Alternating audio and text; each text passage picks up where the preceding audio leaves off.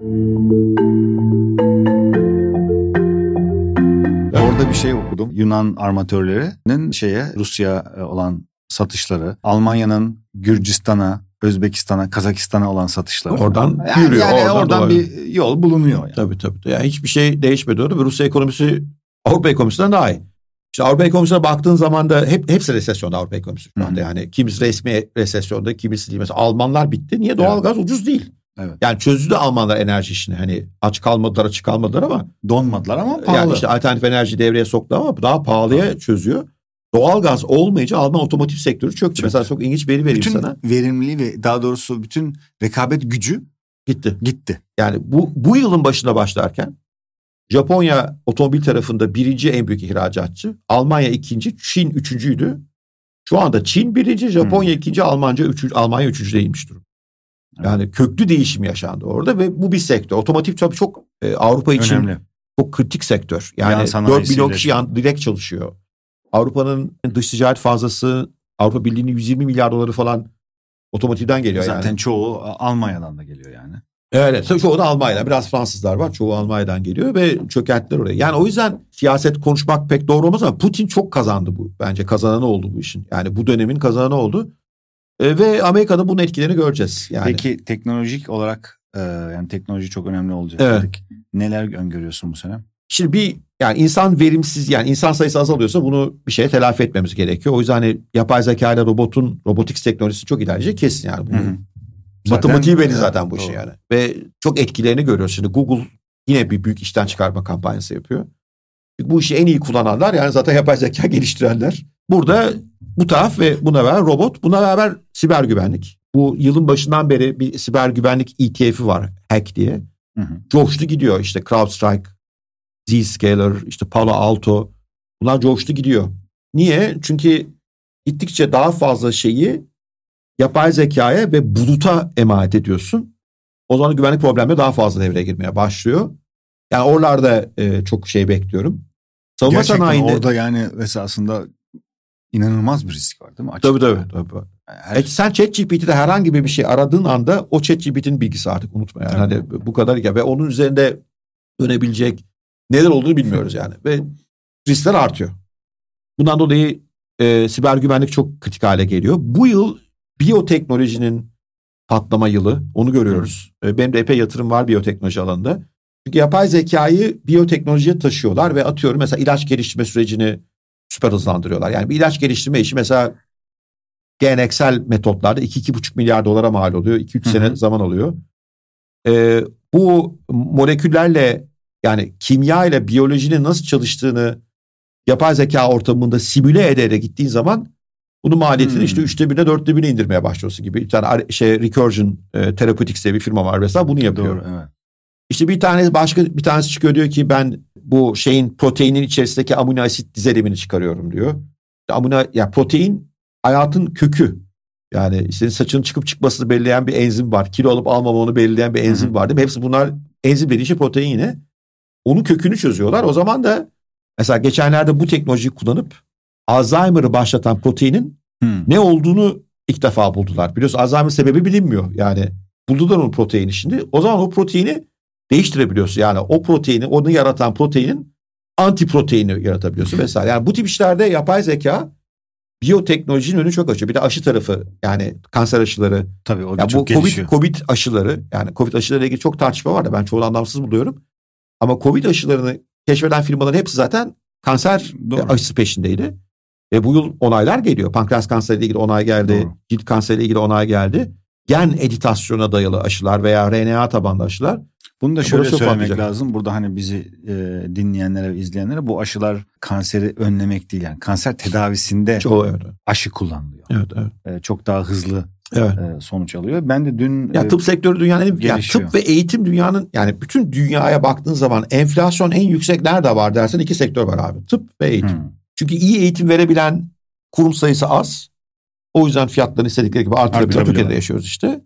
E, tıp çok verimsiz. Yani mevcut tıp sistemi bütün dünyada saçma sapan bir sistem. Yani hani çünkü veri saçma.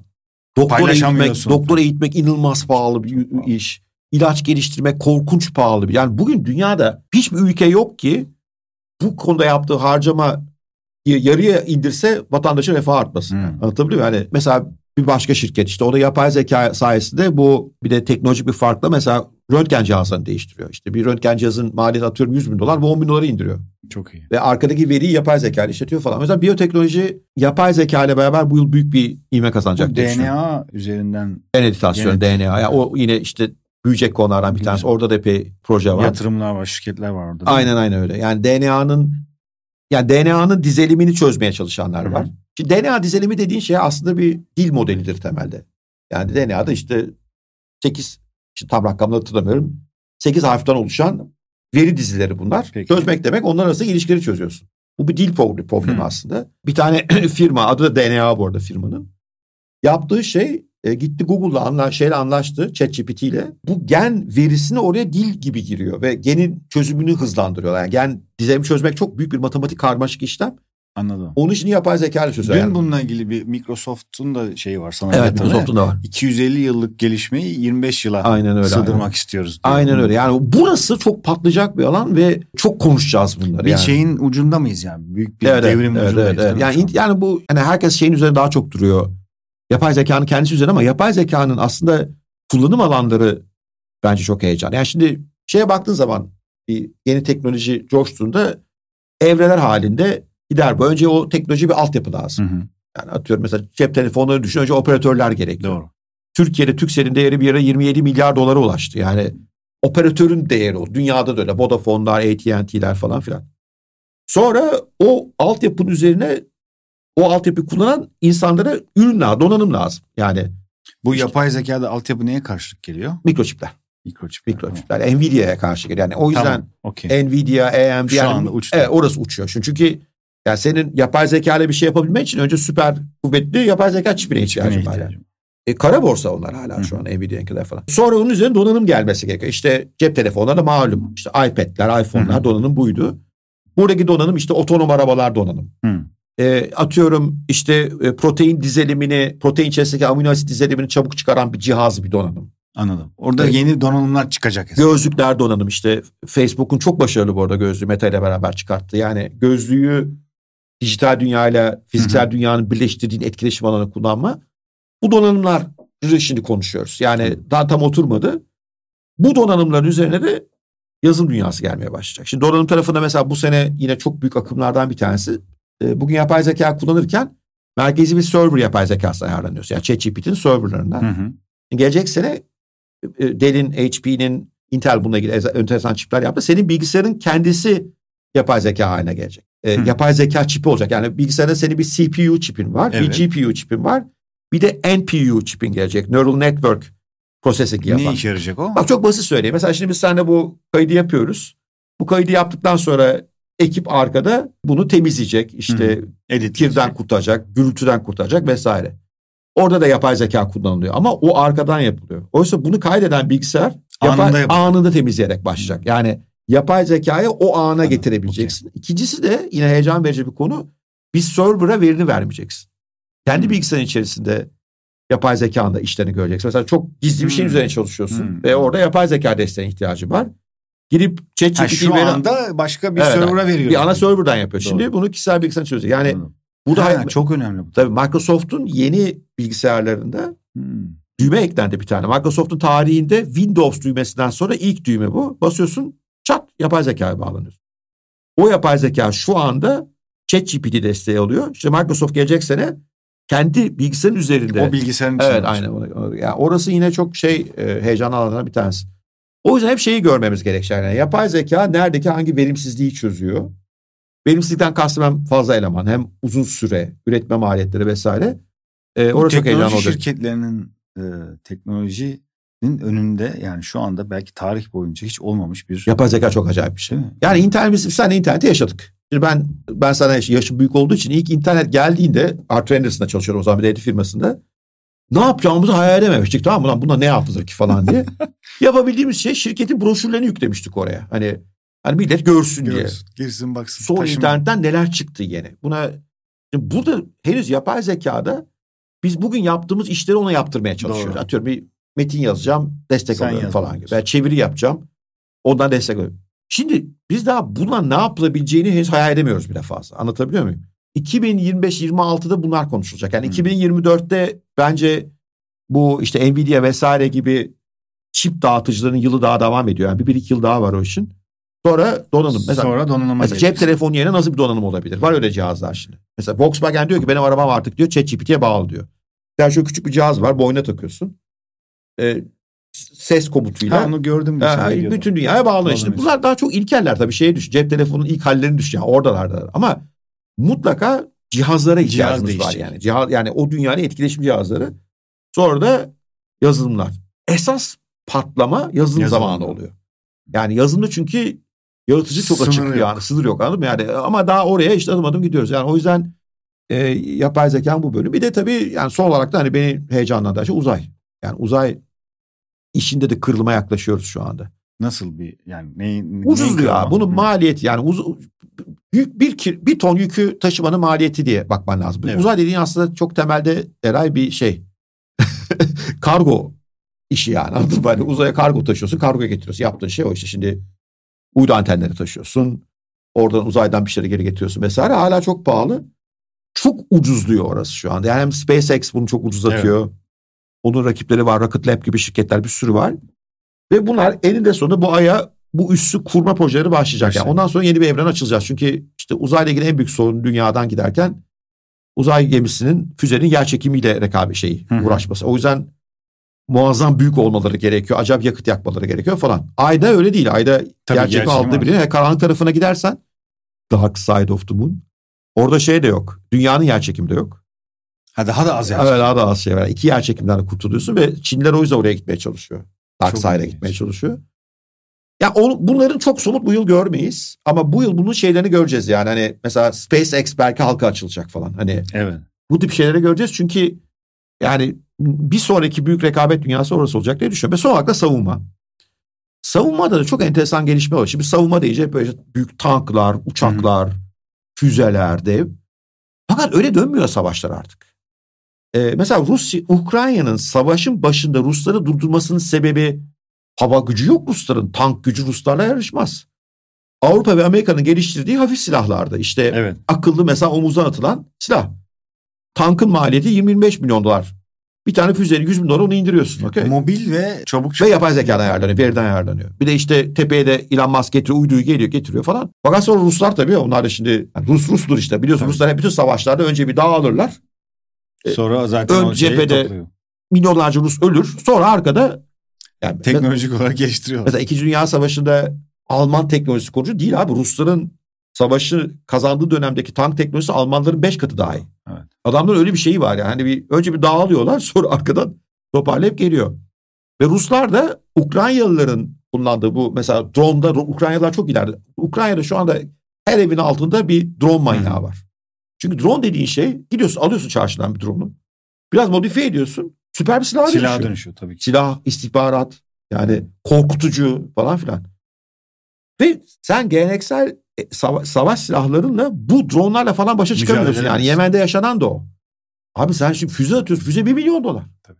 2 milyon dolar. Yani şeyi düşün. İsrail işte bu e, çelik kubbesini düşün. Yani buradan bin tane sallıyor herif. Bir tanesi denk geliyor. Yani kaç o, onu seni durdurmak için e, ki yani şey, Hamas'ın kullandığı silahlar çok ilkel hani bunlara kıyasla. Bu nedenle savaş endüstrisinde böyle bir paradigma değişikliği yaşanıyor şu anda ve yapay zeka destekli silahlar. Mesela Anduril diye bir firma var. Çok enteresan bir firma. Kurucusu şeyin kurucusu yanlış hatırlamıyorsam. Bir sosyal medya platformu kurucusu. Çok enteresan. Savunma sanayine girdi baba. Yazılımcı kafası tam böyle şeyli falan hani böyle startup falan kılıklı bir herif. Bir tane cihaz yaptı şimdi. Bölgedeki dronları durduruyor. 100 bin dolar alet maliyeti. Havaya gidiyor abi. Dronların şeylerini bozuyor. Anladın mı? Hani mesela bu Ona karşı bir şey. Evet onları durduruyor işte. Şimdi ona karşı başka bir şey on- e, yani yani savaş artık bildiğim böyle ya çünkü ülkeler arası savaş ayrı bir şey. Şimdi Amerika atıyorum İran'a savaşsa gider o Amerikan o muazzam işte. Ama artık ülkeler arası savaşta Tabii olmuyor. Hamas'la sokak içinde savaşıyorsun yani anladın mı? Hani Tabii. ve adam da yapabiliyor o teknoloji yani teknoloji. Ya ben o yüzden hani böyle çok kitlesel savaşlar beklemiyorum açık. Daha ziyade bu tip çatışmalarla hep hayat geçecek Zaten proxy deniyor ya işte bu Evet. bir, bir örgütü kullanıyorsun yani. Bir- Evet. birinin taşeronu var esasında. öyle. İşte o onun bu teknolojiyle Aynı öyle. e, işte sokak savaşlarıyla ufak tefek korsanlık yani. Bir nevi korsanlık. Bu, bu, bu esas konu ve bunun inovasyonları çok büyük bir şey. Yoksa öyle hani işte ülke ülke büyük savaşta abi hala yani bu boyutta bir savaşta Amerikan askeri gücü tartışılmaz üstü bir şey yani. Hani mesela uçak gemisi diyorsun. Üç tane dev uçak gemisi var. Hepsi Amerikan. Yani Hı. öyle yani Çin'in uçak gemisi burada Ukrayna'dan biliyorsun Boğazlar'dan bizim e, eski bir hurda Ukrayna uçak gemisini 2008'de 2009'da götürdüler. Oradan çözdüler uçak gemisi yapıyorlar. Evet, evet doğru. Abi bu Amerika'da 2. Dünya Savaşı'nda Zaten Pasifik'te onu- gidip Japonya'nın dibine uçak gemisi götürebiliyordu. Yani buralarda özellikle deniz İngiliz Denizde. İngiliz e, Loyal Armada da öyle. Çok ama etkisi nasıl oluyor? İşte Husilere işte bugün bence bu bugün yapılan bombalama pazarlık bombalaması. Hı hı. Bugün bombalandı e, izleyiciler bilmiyor olabilir. Neyi bombaladık diyor. İşte diyor üretim şey üretim drone üretim merkezi. Drone üretim merkezi dediğin bir tane ev falan abi. yani bombalı öyle şey gibi değil hani askeri tesis hani filmlerde var ya. Fabrikalar. Ya böyle bir şey yani bu. Hani bombalı yani ne olacak? Yemen yani ben Yemen'e gitmedim ama hani muhtemelen fabrika fabrika bir de apartmanda bir yerin bir de yerin altında yapıyorsun falan. Hani o yüzden bunun maliyeti korkunç olduğu için yeni savunma teknolojisine ihtiyaç var. Yani ben orayı yapay zeka ile birleşen daha mikro savaşlara uygun şeyler yani Çok böyle dünya parçalı teknolojik gelişmelerin hem iyi hem kötü kullanıldığı, çok hızlı arttığı, işte yapay zekanın girdiği falan. Yani bir böyle mevcut düzenin parçalandığı bir zamana doğru gidiyoruz. çok esasında. kutupluya doğru dönüyoruz. Evet. Yani ben, ben benim beni, beni aslında mutlu eden bir şey. Yani ben Amerika, Rusya, Amerika, Çin arasında kalmak istemiyorum. Ki bizim Türkiye'yi yani biraz tarihe bakınca Türkiye 1945'ten 40'tan sonra tamamen İkinci Dünya Savaşı, Soğuk Savaş'la bugünkü yaşadığımız bütün problemlerin tabii, bu kaynağında cephenin- bu cephenin belki yani. Bu e, pimpon Aynen şeyinde biz arada kaynamışız. Hep bütün problemlerimiz yani. Yani bundan yırtmak mümkün. Yani bundan yırtarken de bu tip askeri teknoloji. O yüzden bizim bayraklar falan önemli şeyler. çok önemli. Çok önemli. önemli. Yani hani bayrakları da Arttırması, E, arttırmak ve lazım. drone'a yani vardı yani Selçuk Bayraktar'ı bunu anlatmaya gerek yok zaten cin gibi adam. Yani orada hani mesela Bayraktar'ın geleneksel e, şeyleri e, insan hava araçları artık Ukrayna'da işe yaramıyor. Hı hı. Çünkü onlar büyük cihaz ve hava savunma sistemi olmayınca işe yarayabiliyorlar. Anladın mı yani? Şimdi hava savunma sistemlerini Ama göre Ruslar için kurdu. Orada gitti. hiç duymuyoruz. Var, duyuyor musun bayraklar Evet, doğru. falan yok. Yani nerede buna işe yarıyor? İşte karşıda hava savunma sistemi yoksa mesela PKK ile mücadele falan çok işe yarıyor. Veya işte her ülkenin var ya bir tane ayrılıkçı Evet. ekibi onlara karşı işe yarıyor. Ama hani şu anda Bayraktar tarafında falan geliştiren o teknoloji eminim drone vesaire doğru gidecek. Yani orası çok daha çok e, genişleyecek. Evet evet ve Önemli. ondan dolayı da daha bireysel olarak vatandaşın çatışması mümkün hale geliyor. Yani vatandaşın bu iyi bir şey kötü bir şey tartışılır ama bu da aslında özellik adaları yaratılması mümkün kılan bir şey anlatabiliyor muyum? Yani İşte parçalanıyor. aynen aslında. öyle aynen öyle. Yani Yani bütünlükler parçalanıyor. Bir yandan da tabii bu e, alışmış olduğumuz düzenin değişmesi için hepimizde bir korku yaratıyor falan. Bir yandan tabii da- tabii endişe. Yani çok en, değişik bir dünya bu. Ama ben hani mesela bu şeyleri falan hiç beklemiyorum. Yani Üçüncü Dünya Savaşı mı? hiç hiç ihtimal yok yani. Çünkü hani öyle bir toplam Olsa da bunun, böyle oluyor. Evet böyle. Bunlar Üçüncü Dünya Savaşı. Bu işte yaşadığımız şey bu Üçüncü Evet. Dünya Savaşı şu an. Yani cepheden o işte Japon gidecek, Amerika'nın üstünü bombalayacak, Almanlar Dresden'i indirecek falan, al işte Naziler yürüyecek Paris'e. Öyle bir ihtimal yok. Çünkü e, bir dünyadaki toplam askeri cephane o kadar büyük ki. Yani böyle bir savaş hep beraber yok oluyor. Yani eninde sonunda bunu herkes yani kimse bundan sağ çıkamıyor. İkincisi bence ekonomik ve politik olarak da kimse bunu istemez şu an. Yani abi bu Yemen'i diyelim ki İran destekliyor. Verdiği zarara bakar mısın? Bak Tesla'yı durdurdu ya. Yani Doğru. Amerika'nın dünyadaki en önemli şirketlerinden bir tanesi üretimini durdurdu herif. E bunu eskiden yapabilmek için Tesla'nın fabrikasına B2 atman bombardıman uçakları göndermek gerekiyordu anladın mı? Yani Şimdi burada ve bunu Yemenli affedersin yani baldırı çıplak heriflerin eline verdin abi bir takım iyi teknolojileri. Adamlar. Ve Amerika filo gönderdi ya. Uçak gemileri falan gitti. Husiler dinlemedi. Devam ettiler yani. Çünkü ne yap kaç evi bombalayacaksın yani. Yani işte Gazze'de bunu Gazze şeridinde bunu görüyoruz. Yani küçücük bir alan. Hala da bitmedi yani. Ben artık hani haberlerden alakam da kesildi. Yani böyle net kazanamıyor adamlar. Hayır hala. mümkün değil zaten kazanması. Mümkün değil. Yani o gü- gün geçtikçe daha da bu işi kazanamadıkları ortaya çıkacak. Çünkü aynı söylediğin sebeplerden dolayı Tabii. mücadele etmesi çok zor. Yatırım tavsiyesi değildir de 2024 yılını değerlendirmeye devam ediyoruz. Spotify ve YouTube'dan da bizi dinlemeye devam edebilirsiniz. Çok teşekkürler.